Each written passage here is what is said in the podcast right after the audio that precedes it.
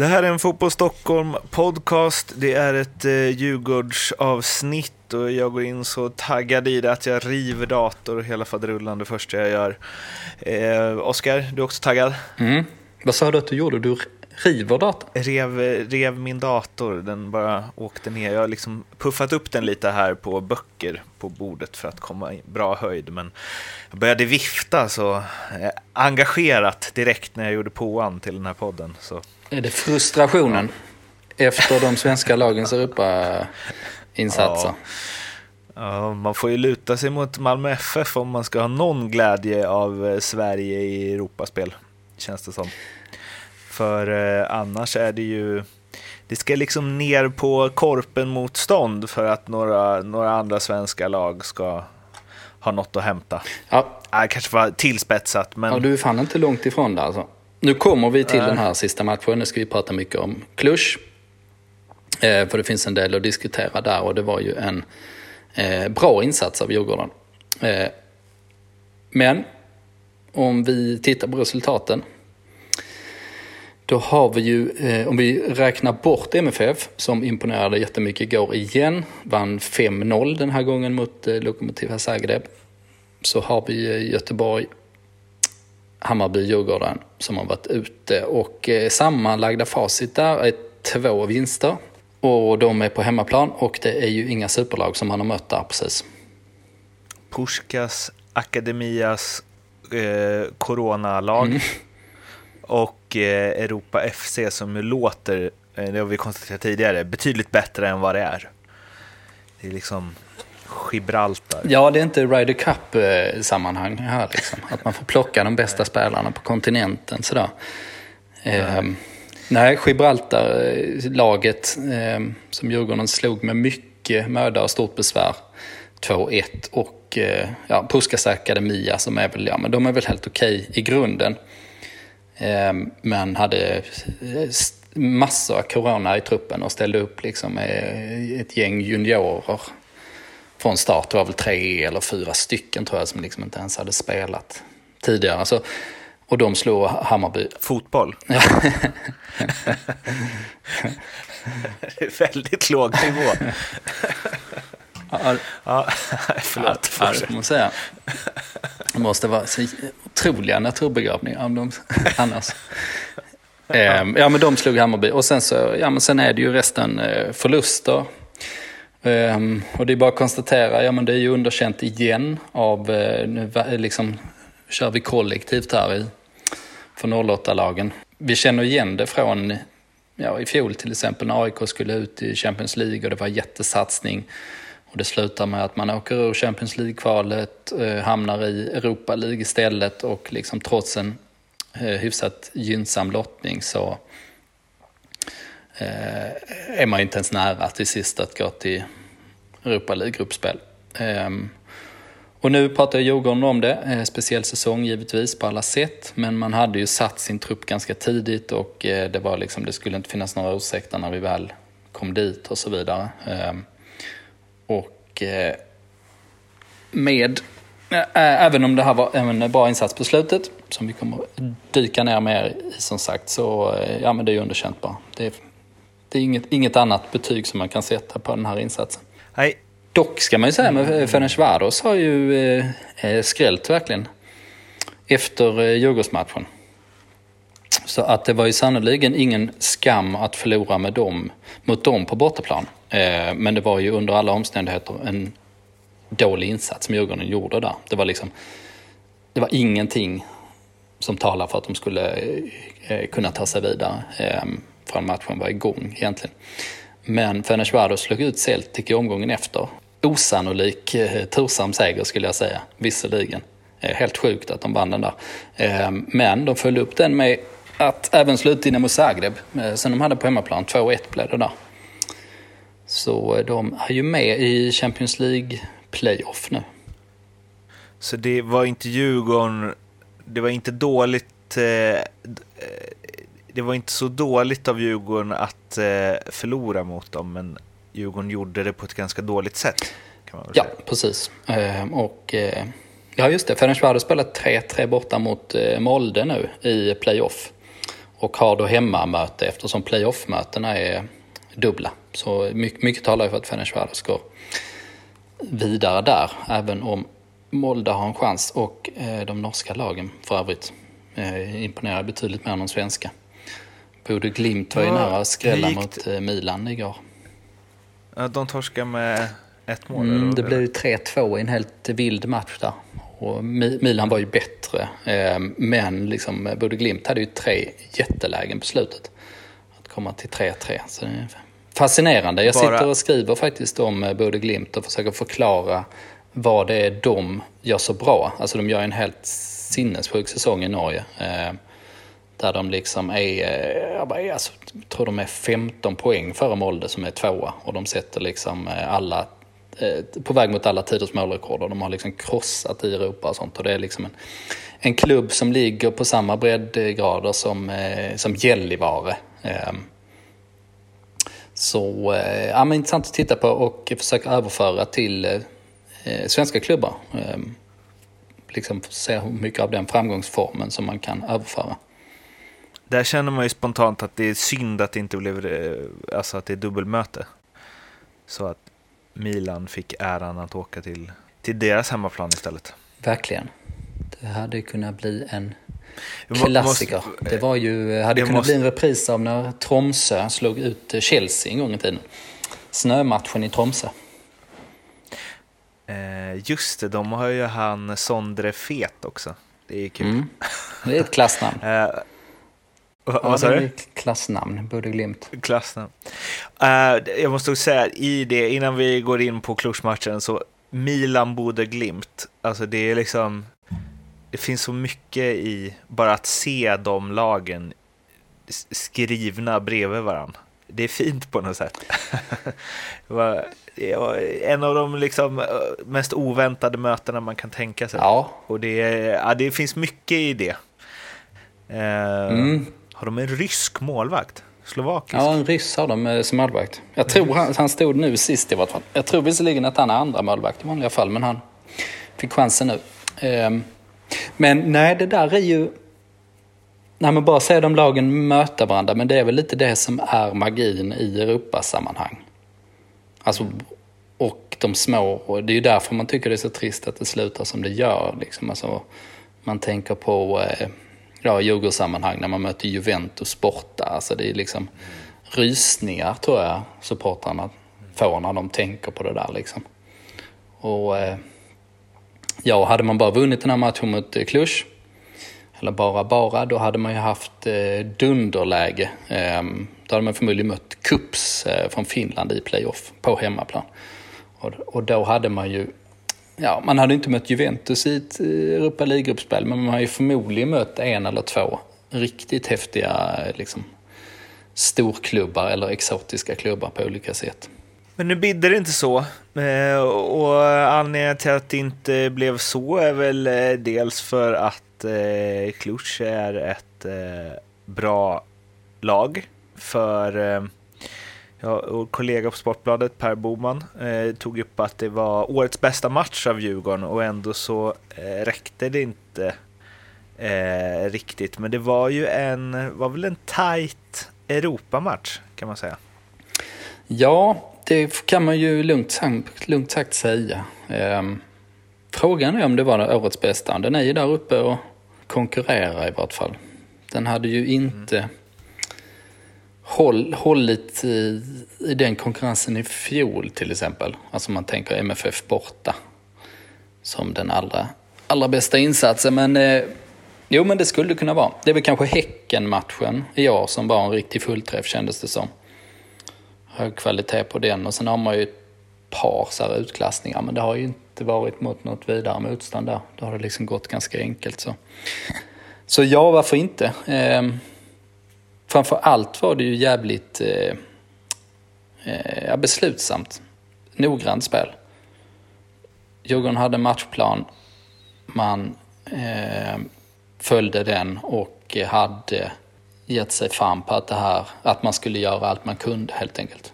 Det var ju också en eh, cynisk match som ju lyftes på presskonferensen inför att eh, liksom Ja, men eh, att det är så ute i Europa. Att det, det är lite mer cynism för att eh, lyckas där.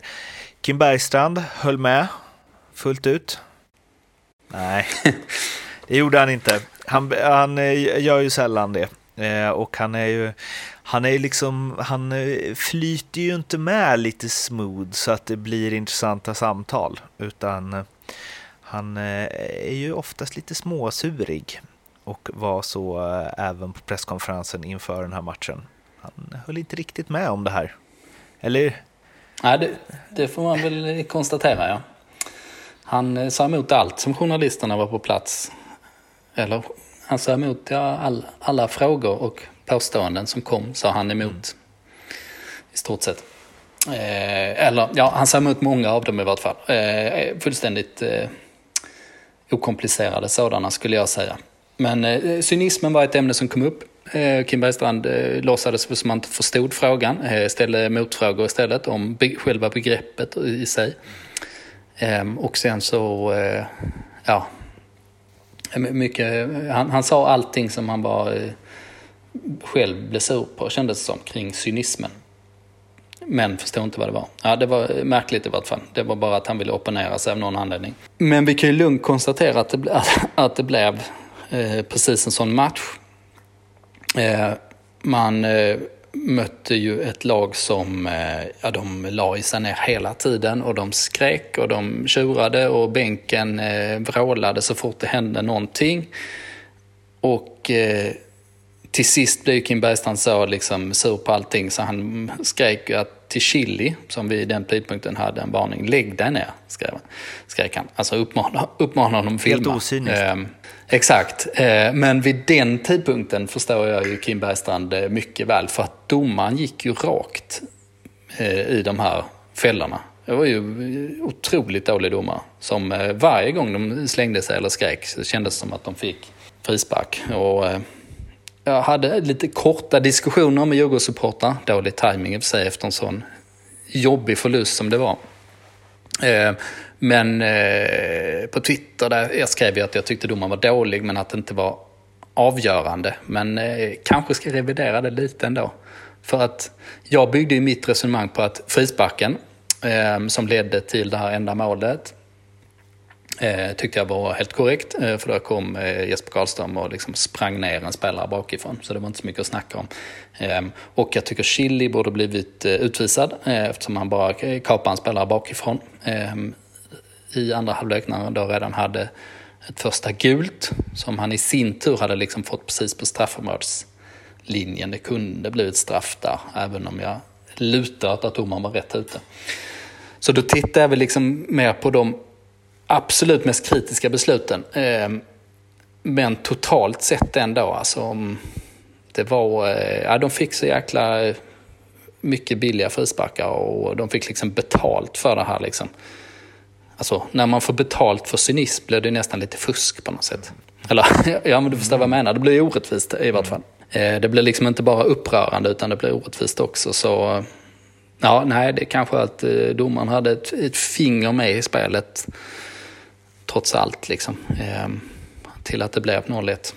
Kujovic kom in i slutskedet och vi har ju liksom stött och blött Holmberg Kujovic under hela säsongen känns det som.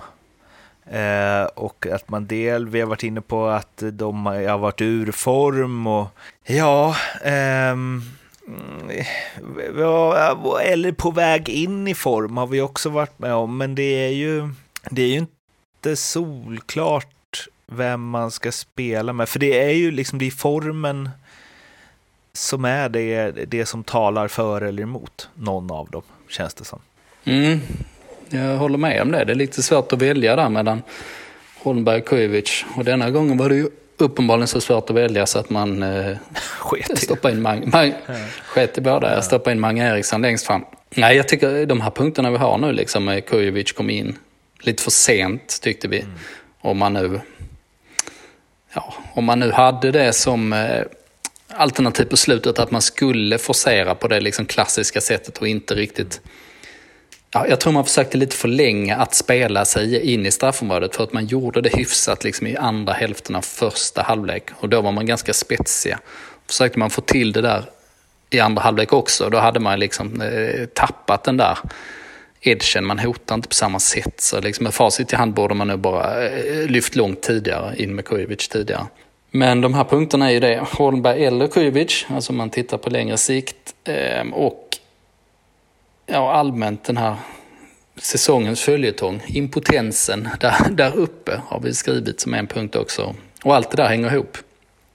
Eh, Holmberg och Kujovic, de, det är ju bara att välja den som är formstarkast, men ingen av dem har form. Och sen vad det gäller resten av de offensiva spelarna, det är samma, precis samma fenomen. Att man eh, har så pass jämna spelare att man egentligen eh, bara bör ta den som har liksom bäst, bäst form för stunden. Och sen så är det egentligen ingen som har träffat den. Det är egentligen bara det liksom att man har Haris eh, Radetinac som är liksom pålitlig, ungefär på samma nivå alltid. Men... Mm. Ja, det var ju det som, om vi eh, har domaren som en liten faktor då ändå, eh, avgörande, så är det ju liksom, det är ju det det står och faller på. Ja, för vi har sagt det, det flera gånger, att det mesta i Djurgården är lika bra som i fjol. Men eh, vi har ingen Buya Turay som trycker dit dem. Nej, ungefär, ungefär så är det. Eh, sen Jonathan Ring gjorde en ja. jättesäsong i fjol också. Eh, från, från ingenting. Eh, kan man nästan säga Djurgården till att han var en av de bästa spelarna i serien. Alltså offensiva spelarna. Och sen så hade ju liksom Marcus Danielsson en sån galen säsong där han knoppade in bollar på till avgörande mål i, i slutet och så. Så eh, nej, den analysen har vi ju liksom eh, eh bankat in. Vi har gjort en liksom, eh, analyser med blotta ögat efter enskilda matcher, men vi har ju liksom kunnat befästa den genom att titta på diverse statistik och så också. Så om man tittar på Hammarby och Djurgården då som var ute i fjol, eller som var ute i år, så det är mycket som förenar dem. Att de åkte ut, liksom, insatsen totalt sett blir ändå underkänd. Men eh, man hade otur med domaren. Det får man ju säga att Hammarby verkligen hade mot Lech Poznan också. Även om det blev 0-3 till sist så eh, var det ju en helt annan match ganska, ganska länge. Men det som skiljer lagen är att Hammarby har byggt, deras idé bygger på en hög högsta nivå. Det är det de vill åstadkomma. Det är den typen av spelare de har tagit in och det är den typen av spel de försöker få till. Och då svänger det så mycket. Och för Djurgården är det tvärtom. Alltså man har byggt lagbygget för att ha en så hög lägstanivå som möjligt. Och Hammarby har inte klarat att stabilisera sig. Och Djurgården har inte klarat att få de där topparna som de kräver. Så det är liksom, det man har sett i serien blev kanske än tydligare när man väl kom ut i Europa och skulle spela de här matcherna.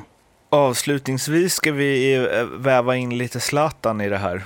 Det har ju handlat en del om honom den gångna veckan i eh, svensk eh, sportpress.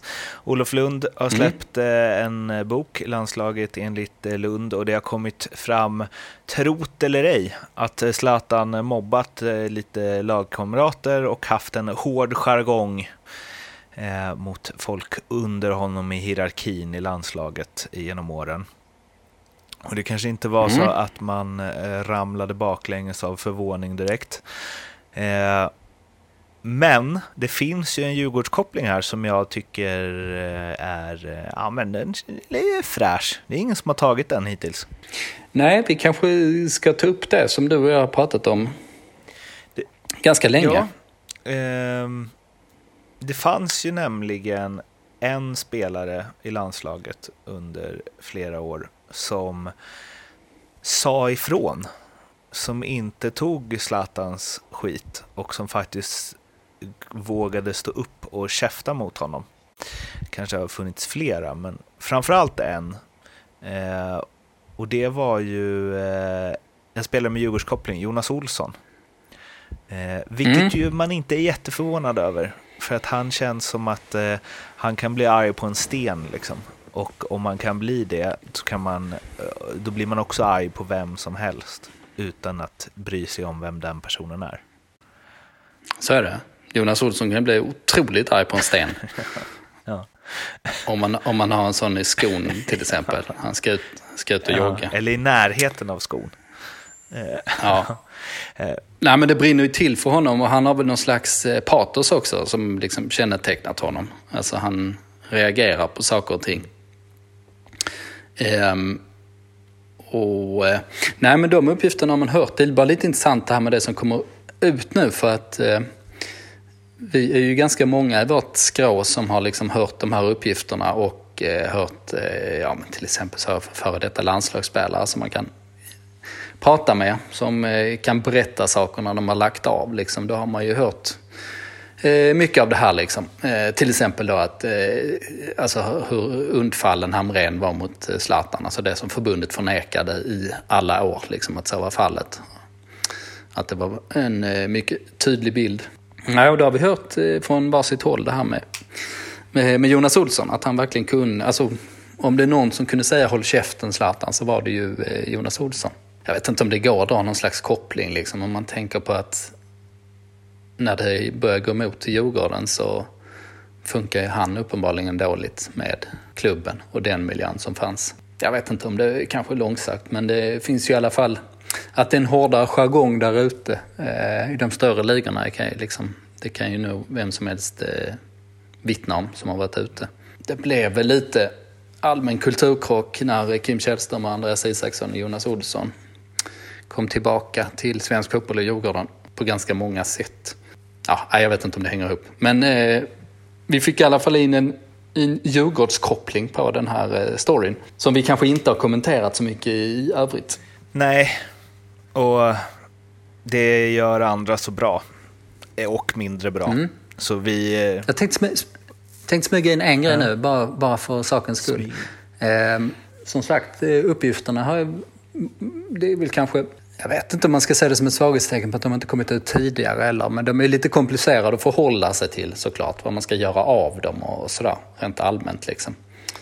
Ehm, men eh, jag saknar lite ett perspektiv ehm, om agenterna. Alltså med, eh, pratar så mycket här liksom om relationen mellan journalisterna och i det här fallet Olof Lund eh, versus förbundet. Men ett perspektiv då när man väger in, eller när man pratar om det där, alltså med, och med kvällstidningar och rubriker och allt vad det är sådär. Så agenterna hade ju varit eh, intressant att väva in. Hur de påverkar allting och eh, hur liksom relationerna ser ut där med, med eh, journalister och sånt. Det eh, finns, eh, apropå svårt att berätta, men eh, det finns jävligt mycket intressanta saker där. Ja, det kan man ju lugnt säga. Det är synd att man inte kan berätta allt. Eh, Men det finns ju källskydd och eh, ja, vilket också får en in på det här med anonymitet hos källor som folk verkar ha så himla problem med, även vissa mediechefer. Eh, vilket ju förvånar en, även om jag eh, ja, kan tycka att det finns vissa grejer inom eh, hur man beter sig som journalist, att man ska man ska inte kunna ta emot en kaffe eller en kaka fick man ju lära sig när man pluggade. Eh, För att då kan man bli påverkad av de man intervjuar och jag tror väl inte att man skriver eh, någonting bara för att man bjuds på kaffe på, säg, Djurgårdens eh, träningsanläggning. Säg inte det, jag får ju mycket kaffe på... Eh, jag får alltid kaffe när jag kommer dit. Det är ju så jävla trevligt att komma till Kaknäs. Så jag kan ju ha blivit... Du får utvärdera dig själv mycket där, där, helt enkelt.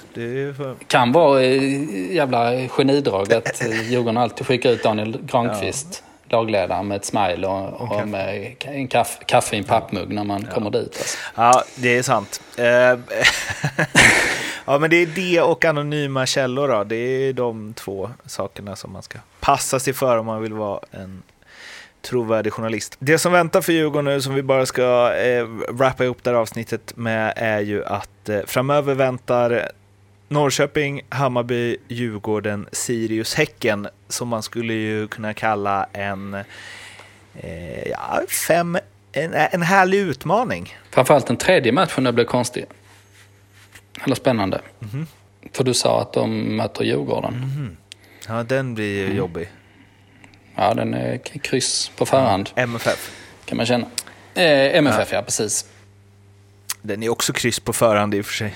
Ja, verkligen. Eh, ja, nej men vad fan. Alltså, nu är det ju liksom eh, den här jävla säsongen får man ju, får man ju kämpa med.